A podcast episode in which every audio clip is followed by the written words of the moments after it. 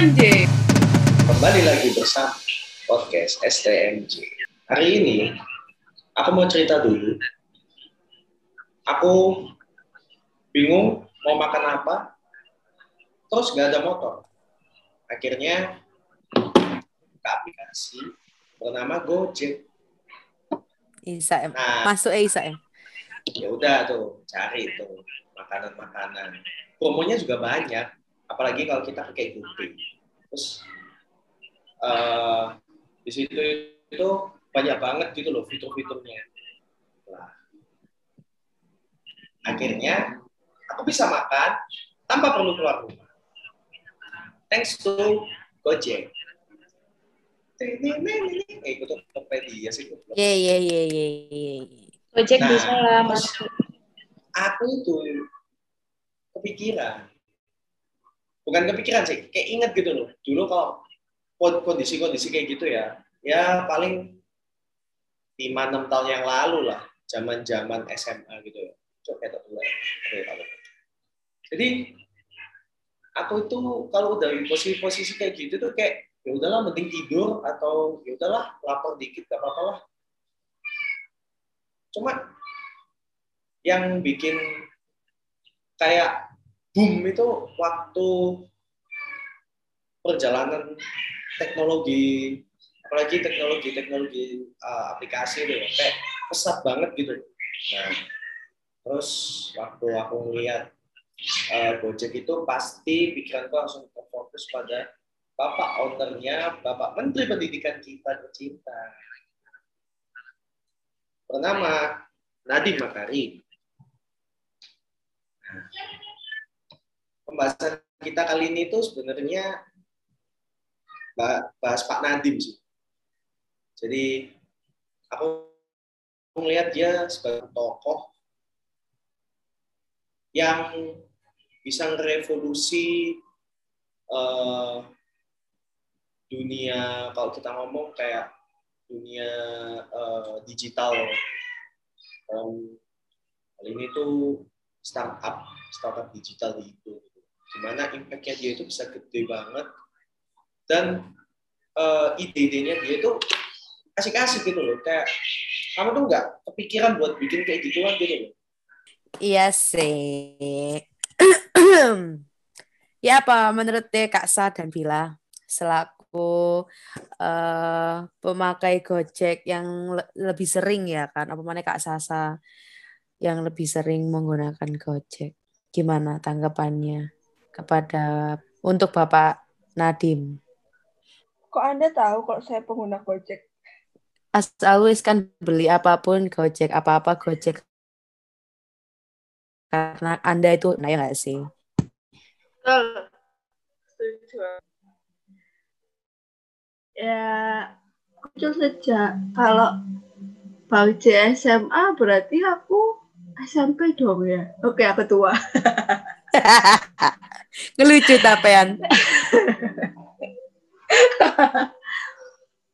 Waduh, ada siapa tuh di belakangnya Bauji tiba-tiba muncul. Oke. Jadi menurutku ya, saya salah, menurutku tuh ya, Gojek tuh apa ya? Sangat membantu. Nggak cuma membantu di kita doang, tapi juga membantu di kayak pengemudinya dan lain-lainnya gitu. Ya Aplikasinya mil ya, aplikasinya milenial banget. Apalagi buat Mm-mm. kaum kaum mager. Sangat Seperti ngebantu. Anda, Anda, dan Anda. Jangan buka kedok dong. Itu sesuatu hal yang langsung melonjak tinggi nggak sih? Karena sangat membantu. Tapi eh, minusnya adalah eh, para ojek ojek ojek ojek eh, yang biasanya mangkal itu jadi shock culture gitu loh. Kayak dia sing eh, yang gaptek gaptek gitu dia nggak bisa cara mengoperasikan gojek gimana gimana gitu. Ya nggak sih? Dan kayak itu lebih lebih mahal gitu loh daripada ojek pangkalan. Ya nggak sih? Menurutku ya tapi nggak tahu sekarang. Kalau banyak banyak dulu pernah, pernah- per- dulu pernah ini nggak sih sampai berantem antara ojek pangkalan sama ojek online ini nggak? Iya. Iya, karena kan Dulu- kayak Dulu SMA Sampai rame banget. demo kan. Demo. Iya. Nggak mau jalan itu. Demo, demo. Ya, ya, mungkin karena mereka merasa dirugikan ya. Akhirnya mau nggak mau mereka ya tetap ikut ke aplikasi itu untuk mendapatkan uang ya nggak sih? Mm, mm, Tapi sangat membantu banget sih. Membantu apa eh, perekonomian juga orang yang nggak tahu mau kerja di mana akhirnya akhirnya akhirnya kebantu dengan itu. Kan itu kalau misalnya yang nggak punya motor atau mobil kan bisa dibantu kan sama pihak Gojeknya ya nggak sih? Iya. Tapi sekarang Gojek juga banyak yang ini enggak sih? Banyak yang apa namanya hitungannya? Banyak yang di ah, sa- salah fungsikan. Hah? Ya, itu maksudku. Jadi kayak ada banyak pesanan GoFood tapi fake fake fake apa sih? Fake order kayak gitu. Oh iya, order. itu sih. Iya benar. Sumpah itu hmm, pernah Karena aku. eh, kita pernah menjadi korban ya, Bil ya. Iya. Dan itu tuh katanya rata-rata itu orang Kalimantan gitu yang yang apa namanya? Yang iniin, yang, Yang iseng gitu. Heeh. Tapi pas dilacak juga ya ternyata benar gitu loh. Nah kalau dari Bang Jenny yang dari tadi sepertinya di otaknya lagi ada terus mau ngomong apa gitu ya kan? Oke, gimana Pak Ci? Gimana pendapatmu Bang C? Gimana pendapatnya? Ya soal eh, persaingan antara pangkal ojek dan ojek online. Jadi gini Pak, dulu itu anjir itu bener-bener civil war banget sih masa-masa itu. Chaos banget lah. Banyak demo, terus eh, banyak juga yang kayak iri-irian gitu. Apalagi sampai gini nih, kalau kita di tempat-tempat tertentu kayak stasiun, dulu itu aku pernah. Jadi kalau kamu tahu SMA 4 itu ya, SMA 4 itu kan deket banget sama eh, apa stasiun Gubeng kan. Nah, aku itu habis dari daerah sana, terus biar gampang, karena aku mau ke arah eh, mana itu? Aku ke arah Gubeng kalau nggak salah. Jadi aku akhirnya ngedrop Gojek itu di daerah PDAM, Enggo-Enggo anjing. Ya kalau yang bukan orang Surabaya, kalau nggak tahu, salam coba. Kok kasar? Terus karena aku kan anak itu, no Pradana, itu kan mirip. Nah terus akhirnya kan aku eh, jalan ke belokan gitu dekat-dekat PDAM situ. Nah terus pas aku dapat gojek itu, ini kejadiannya baru 2019. Pas aku dapat gojek, didatengin nih sama bapak-bapak preman gitu. Mas, sampai ngerti kan aku lagi gojek oleh Joko iku wong stasiun. Lah aku ngomong mas aku bukan dari stasiun mas. Dipikirnya aku tuh orang dari stasiun gitu. padahal ya bukan. Nah kadang itu hal-hal kayak gitu itu yang kayak bikin aku sebagai cuma ya memang mau dikata ya apa lagi ya anjing lah baik. Mau dikatakan apa lagi? Ya persaingan Tapi- gitu. Dan juga apa? Tapi kalau itu masih sekarang itu, eh sampai sekarang itu masih kayak gitu. Kayak di Iya, stasiun, di bandara itu masih. Nggak boleh mereka ngambil ke sana itu. Soalnya kayak ada premannya gitu loh. Uh, ya ya gimana ya itu ya lebih ke caranya mereka dalam menanggapi persaingan sih. Cuma yang aku miss banget itu ketika eh, ya ini nih hal kayak gini yang orang itu udah di akhirnya kan dibikinin platform ya terus tiba-tiba kayak ada orang yang kayak dia tetap mau uh, dengan cara old schoolnya dia dan akhirnya ketika mereka kalah saing mereka marah-marah apa segala macam. Nah aku kemis aja sama orang kayak gitu kayak anjir suara cok wong gitu cok ya maksudku ya kamu juga harus berbenah diri juga gitu. Nah, mungkin memang uh, banyak prosedur-prosedur yang ya mungkin mereka nggak bisa itu apa namanya nggak bisa lewatin. Kan uh, orang mau daftar jadi mitra Gojek pun juga nggak sembarangan gitu. Kembali bersama podcast STMJ. Jadi sebenarnya kan adanya Gojek itu ya untuk kalau digabung sama Pancasila sebenarnya itu ada hubungan sama Pancasila sila ke tiga apa kelima ya yang persatuan Indonesia. Nah tetapi ternyata yang awalnya ingin mempersatukan semua pekerjaan, misal semua kaum masyarakat waktu itu yang dari tidak punya uang jadi punya penghasilan dan kawan-kawan jadi terhalang karena adanya keegoisan antara ojek pangkalan dan ojek online ya nggak sih Rek? paham nggak maksudku Paham. nah kalau menurut kalau menurut mami gimana mam jadi kan gini kan pada eh apa sih kalau misalnya Gojek ini sila ke berapa yang berbunyi Persatuan Indonesia? Tiga. Ya kan? Ketiga. Oke, pintar. Nah, tapi sebenarnya Persatuan Indonesia itu kan untuk menggabungkan seluruh untuk menyatukan seluruh masyarakat di semua tingkatan, ya kan?